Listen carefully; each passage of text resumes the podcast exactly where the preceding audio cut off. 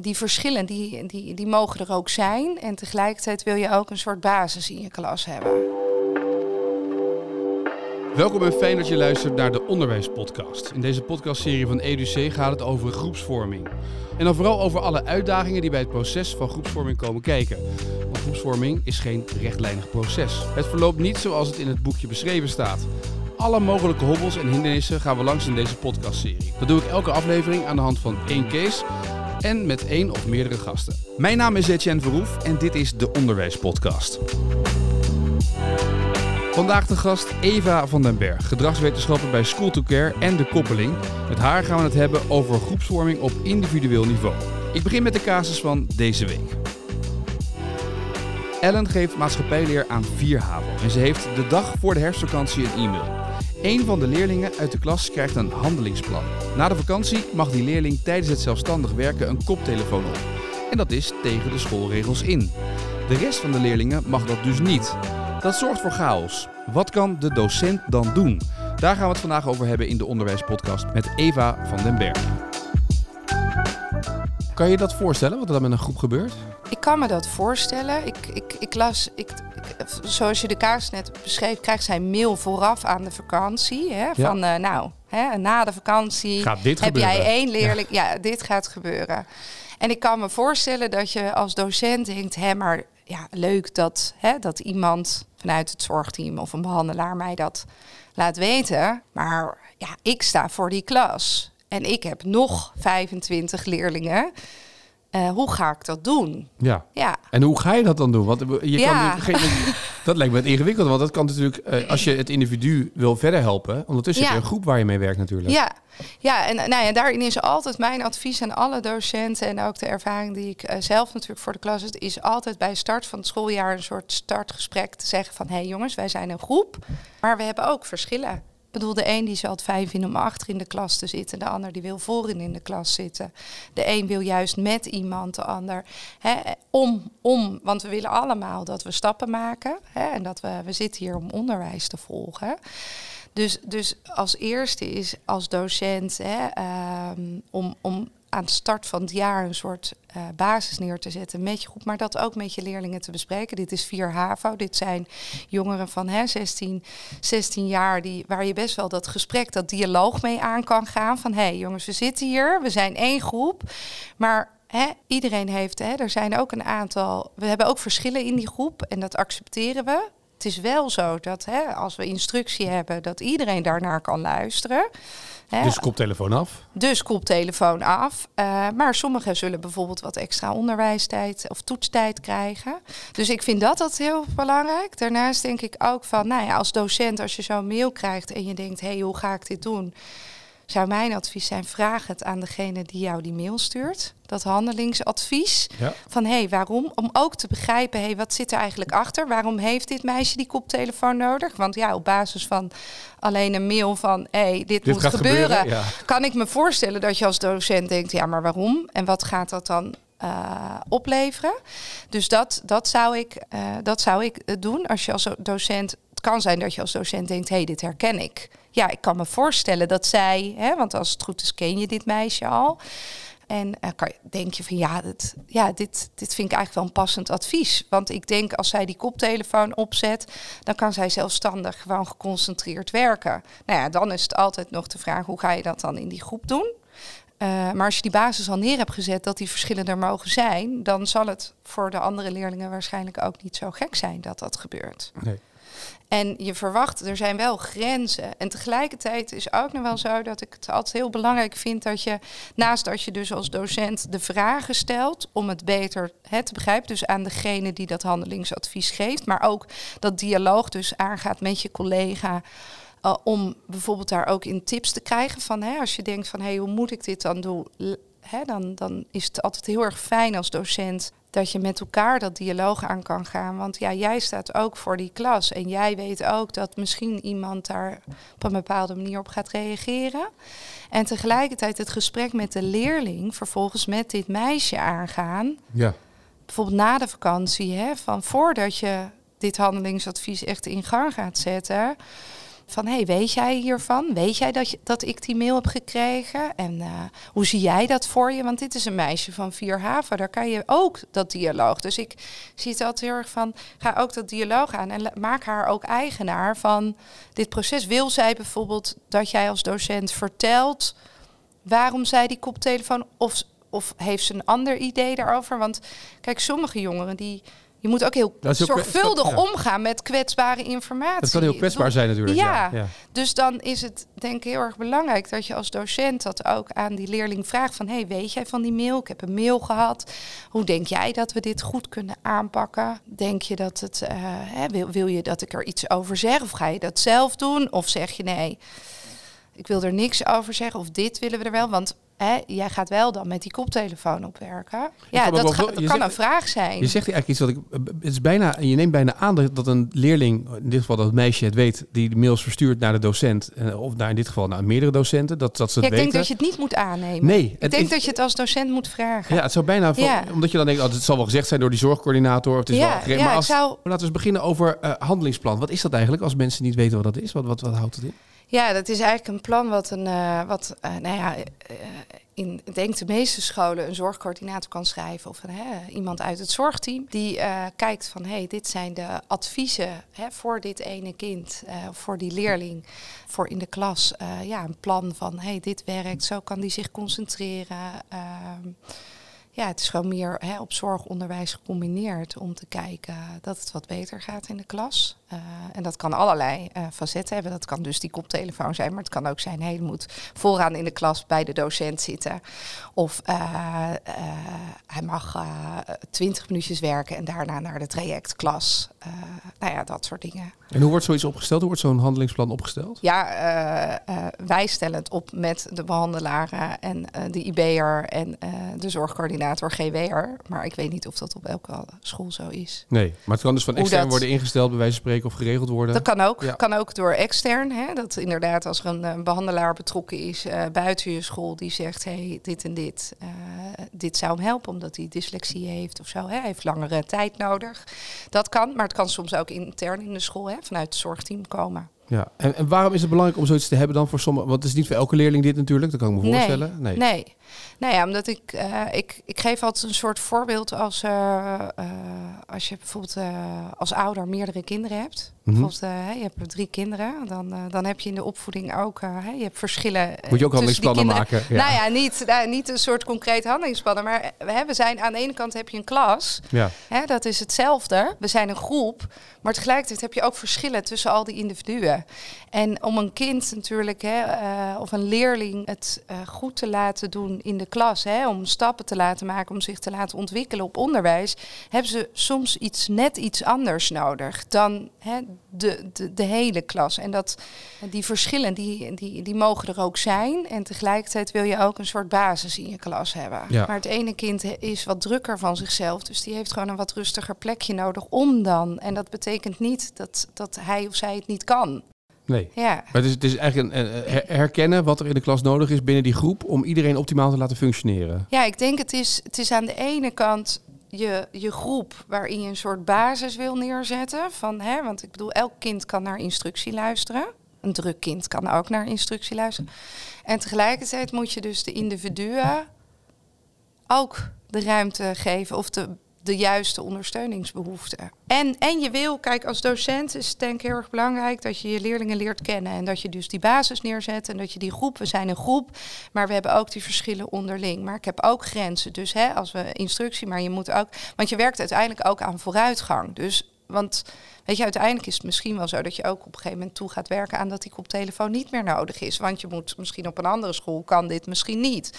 Maar voor nu is dit dus de hand. Hoe gaan we dat dan aanpakken? Maar door ook jongeren, zeker van deze leeftijd, serieus. Want ik vind dat je ze serieus moet nemen. Ja. En daarom moet je dus ook vragen van, hey, weet jij van deze mail? Stel dat meisje zegt nee, ik weet er niet van. Nou, dan, dan zou ik als docent teruggaan naar degene die mij die mail heeft gestuurd. Van hé, hey, dan wordt het ingewikkeld voor mij. Ik vind wel als zo'n handelingsadvies die, dat wordt gegeven, daar is over nagedacht.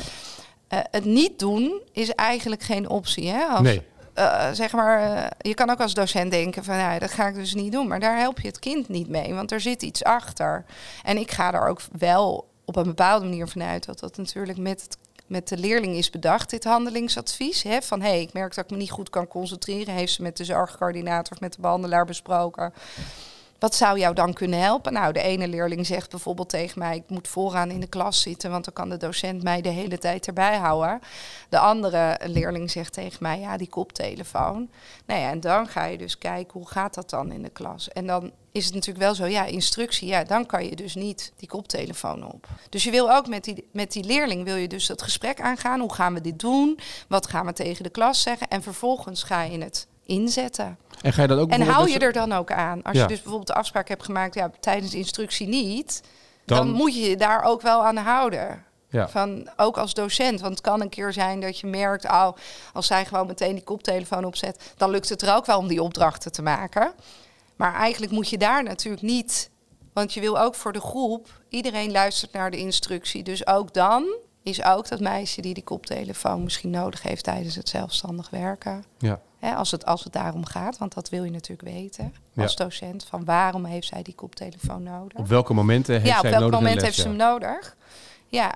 Want ik, zou, ik kan me ook voorstellen, dit is dan na de herfstvakantie. En toen bedacht ik mij, als je nou, we hebben het, we hebben het in al die vorige podcasts ook gehad over uh, de, helderheid. Weet je, is mijn klas stuk, neem mijn klas is niet stuk. Het gaat vaak om met elkaar afspraken maken. De gouden weken komen vaak voorbij. Ja. Dan heb je eigenlijk alles gedaan volgens het boekje. Dat je een klas hebt geformeerd, dat je heldere afspraken hebt gemaakt. Wij dragen geen pet in de klas, bij wijze van spreken. Ja. Of we doen dat niet, we doen zus niet. Ja. En dan krijg je ineens na de vakantie, het eerste moment dat iedereen vrij is geweest, na een herfstvakantie, dat iedereen terugkomt, ga je zeggen, nou, we hebben normaal deze afspraken. Maar nu gaan we het even zo doen. ik kan me voorstellen dat die hele voorspelbaarheid en die structuur die leerlingen vaak nodig hebben, dan even op de schop kan gaan. Ja, dat, dat, ik kan me voorstellen dat dat gevoel opgeroepen wordt. Maar tegelijkertijd, als jij natuurlijk vanaf de start, naast als je die basis neerzet met de hele klas, ook zegt. We hebben ook verschillen en dat kan het hele jaar. Want je kan er ineens achter komen dat iemand iets anders nodig heeft. Ja. En dat kan aan allerlei facetten liggen natuurlijk. Ja. En dan is het zo mooi als je als docent kan differentiëren. Maar dus ook niet heel strikt rigide vasthouden in de eerste weken van dit zijn de regels voor het hele jaar. Maar het kan zijn dat we dit ook kunnen aanpassen op basis van individuele ja. behoeften. En ik, ja, dat. Maar ik denk altijd, kijk, in een school moet je altijd een bepaalde basis hebben. Ik zie dat hier ook, als wij, als wij niet met z'n allen een beetje dezelfde taal spreken in elke klas, zoals hè, die pet af, daar kan je natuurlijk niet. Je kan voor je collega's ook, want iedereen geeft les aan die klas. Je kan die basis moet je houden. Maar al die verschillen die daartussen zitten, met het doel dat een leerling gaat groeien op onderwijs en dan moet je ah, door dialoog aan te gaan, kom je er ook achter wat kan wel in mijn klas en wat kan niet. En soms zal je als docent denken, hé, hey, maar wat er nu voorgesteld wordt, oké, die koptelefoon kan wel, maar ja, bijvoorbeeld de zorgcoördinator zegt of degene, ja, voor de hele les. En dan kan jij best wel ook aangeven, ja, maar met de instructie vind ik, weet je, is belangrijk dat ze hem wel afzet. Ja. Nou, wat is er dan nodig? Welk plekje is dan bijvoorbeeld fijn voor haar? Om, om bijvoorbeeld uh, dan die instructie, hè, welke plek in de klas is fijn. En hoe maak je ook de leerling eigenaar van het proces? Hè? Dus dat dialoog aan te gaan. Te zeggen van, hé hey, jongens, wat denk jij dat, hoe, hoe zullen we het doen? En ik zeg ook altijd, zo'n handelingsadvies moet ook tijd, heeft tijd nodig om in te slijpen. Dus bijvoorbeeld, uh, en dat is dan ook weer zo'n soort voorbeeld wat ik dan geef, is nou ja, als, als iemand iets moet leren eten, een tomaat of zo, dan heb je toch ook, het moet het tien keer herhaald worden voordat ze het lekker vinden of zo, kinderen. nou ja, dat is een beetje een... Uh... Ik begrijp je dat er een tomaat is. ja, nee, nee, nee, ja, mijn dochter, nee. maar, maar dat je, uh, ik bedoel meer van dat je, dat is net als dat voorbeeld van in de opvoeding. Als je dus drie kinderen hebt, dan kan je niet voor elk kind precies hetzelfde doen. Nee. Want dan sluit je dus niet aan op de onder, ondersteuningsbehoeften van een kind. Ja. Dus dat, dat is thuis, en dit is ook zo'n voorbeeld van zo'n tomaat, en dat is misschien een beetje een gek voorbeeld, maar het is wel van dat ook zo'n handelingsadvies. Het kan niet zo zijn dat als je dat de eerste, weet je, het heeft tijd nodig dat ook de klas daaraan gewend raakt. Dat dit meisje dus soms op momenten een koptelefoon op heeft. Of dat die jongen iets meer tijd krijgt voor zijn toetsmaken. Of dat dit meisje bijvoorbeeld naar de wc mag, uh, omdat ze een blaasontsteking heeft. Maar dat is bijvoorbeeld ook alweer kwetsbare informatie. Ga je dat dan ja. Ga je dat dan vertellen? Hè? Of wat zeg je daar dan over? En ik vind het belangrijk dat je dat ook aan de leerling vraagt. Van wat, wat vind jij oké? Wat zullen we daarover zeggen? Want jij moet dus bijvoorbeeld vaker naar de wc. Wat zeggen we dan? Wat wil jij dat? Wat wil en jij? Hoe, ja, en hoe gaan we het uitleggen? Ja, en hoe gaan we dat? En, en, en, en door dat dialoog aan te gaan. En, en kinderen of leerlingen hebben heel vaak goede ideeën, vind ik. En ook docenten hebben heel vaak goede ideeën. Hoe kunnen we dat doen? Want als docent ken jij je leerling echt wel.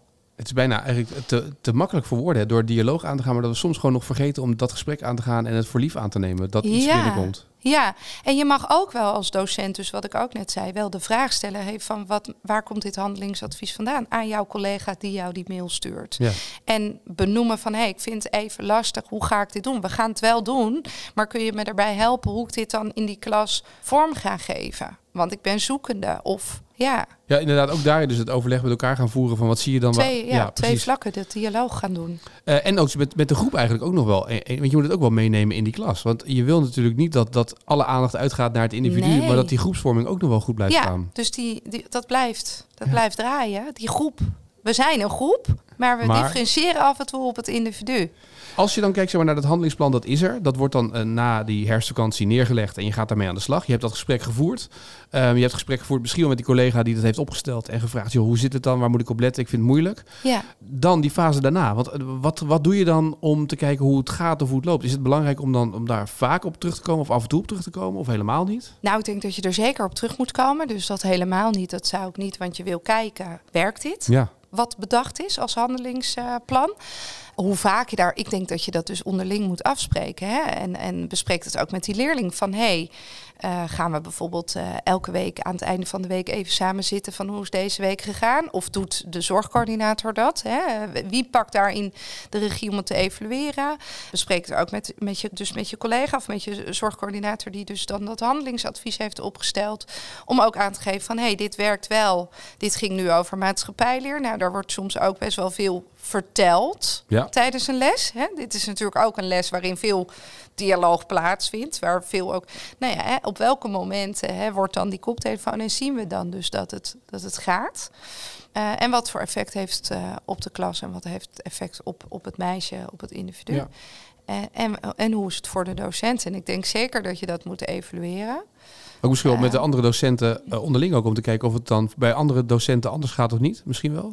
Ja, want ik ben ook natuurlijk nieuwsgierig naar, eh, weet je, wiskunde, deze. Ja, want ja. Voor, is hetzelfde handelingsadvies ook voor de andere vakken gegeven? Of eh, wa- waarom is het? Hè? Ik kan me voorstellen dat het dan voor meerdere vakken geldt. Ja. Dat je, dat je zo'n koptelefoon nodig hebt om je te kunnen concentreren, denk ik. Maar Ja. ja. ja. dus ik denk zeker dat het belangrijk is. En kijk, je hebt natuurlijk op heel veel scholen de besprekingen over leerlingen. Dat is natuurlijk altijd een mooi moment. Maar als het zeker in het begin, als je zo'n handelingsadvies wil inbedden, kan je het beter iets vaker doen. Maar even met elkaar te kijken van hé, hey, waar loop ik tegenaan? Hoe gaat het? Ja. En op een gegeven moment is het natuurlijk niet meer nodig, want dan is het ingesleten en dan lukt het. Ja. Dan gaat het. Het is misschien ook wel zelfs als je nou geen zorgcoördinator hebt rondlopen. Of dat je denkt, goh, weet je, handelingsplan, dat is allemaal ver van onze bedshow. Ja. Eh, misschien ook wel überhaupt goed om naar je klas te kijken en te denken, goh, wat heb ik nou in deze groep zitten en wat zou deze groep nodig Ja. hebben? En misschien daar überhaupt al een mini-handelingsplannetje van maken voor ja. jezelf. Ja, ja of, of heel erg ook mee te nemen in de doelen waar een jongere aan werkt hè, in, de, in de klas. Ik bedoel, dat, dat zijn natuurlijk onderwijsdoelen. Maar het is soms ook eh, heel erg van eh, dat, dat iemand het nodig heeft om wat langer te kunnen werken of te concentreren. En ik denk dat als docent, als je heel erg, en dat, dat begint al op de basisschool, maar dat is natuurlijk op de middelbare school ook zo. Je kan heel veel zien en heel veel signaleren. En ik denk ook dat je als docent soms een leerling ziet en dat je denkt, hé, hey, maar ik denk dat hij wat anders nodig heeft. Stap dan naar de collega toe of naar je collega's toe als je dus Ja. geen eh, zorgcoördinator voor iemand hebt. Maar ik denk op elke school is dat wel. Er is wel een zorgteam. En hoe dat dan vormgegeven is. Maar je hebt altijd wel iemand waarmee je kan sparren om te kijken, hé, hey, wat kunnen we daarmee? En ik denk juist, dus het gaat over en weer. En er kan dus een handelingsadvies komen vanuit dat zorgteam. Maar het kan ook zo zijn dat jij als docent ziet dat jouw leerling, hè, dat je denkt, hé, hey, volgens mij, als hij net iets meer tijd zou krijgen, dan zou hij het wel halen. Of eh, als hij op dat plekje zou zitten, dan denk ik dat het, Ja. dat het beter gaat. Dat herken je natuurlijk al vanaf de kleuterschool ongeveer. Want je ziet precies waar kinderen beter opletten of in welk groepje ze zitten. En dat haal je uit elkaar als je weet, hé, hey, er is nu geen aandacht. Ja, en, en de groepsdynamisch kijk je denk ik altijd in een groep van... Hè, ik bedoel, eh, op de kleuterschool worden al groepjes zo neergezet. Van, en dan kijken ze, oké, een beetje de rustige en de drukke en een beetje zo eh, Ja. gemixt. Maar dat doe je natuurlijk altijd. En ik, weet je, je, je denkt altijd na als docent ook over je klassenopstelling. Alleen, weet je, soms heb je daar misschien eh, even ook collega's nodig om mee te denken. Of die bijvoorbeeld ook die klasles geven. Van hé, hoe doe jij dat? Wat zie jij gebeuren bij jou? En je hebt ook nog wel eens vakverschillen. Dat Ja. is bij de ene vak dat het anders gaat dan bij het andere vak. Nou ja, heb je dan met elkaar daar overleg over en waar, wat zit er dan achter? Ik zeg altijd hier van, kijk achter het gedrag van het kind en kijk dan wat je kan inzetten. Dus dialoog is één ding, hè, samenvattend. Ja, Zowel met de leerling als misschien met de zorgcoördinator, eh, eh, hoe of wat. ja voordat je de handelingsadviezen Voordat je het gaat uitvoeren. Ja, zou ik doen. Ja. ja, zodat je het heel goed met elkaar hebt bedacht en dat daar ook geen ruis ontstaat. Die basis neerzetten. Ja, Dat, Aan de- aan eh, vanaf de start vanaf de start, eigenlijk. ja. Van hey, wij zijn een groep, maar we hebben ook verschillen. ja. Daardoor is dat handelingsadvies makkelijker. En heel erg goed kijken en signaleren van hoe gaat het en met elkaar. En de leerling-eigenaar laten zijn van het proces ook. ja. Dus die helemaal meenemen eigenlijk ook in het proces en, en mee laten denken. Ja, en, en dus zorgvuldig omgaan met kwetsbare informatie. Nee, dat kan je dus ook door dat dialoog een beetje tackelen. Tot zover deze aflevering van de Onderwijspodcast. Eva van den Berg, dankjewel voor je bijdrage aan deze podcast. Wil je nu meer weten naar aanleiding van deze aflevering? Kijk dan via de link in de show notes wat EduC voor jou als school of als docent kan doen. Abonneer je ook op deze onderwijspodcast via jouw favoriete podcastplatform. Dan word je automatisch op de hoogte gebracht van elke nieuwe aflevering. Tot de nieuwe onderwijspodcast.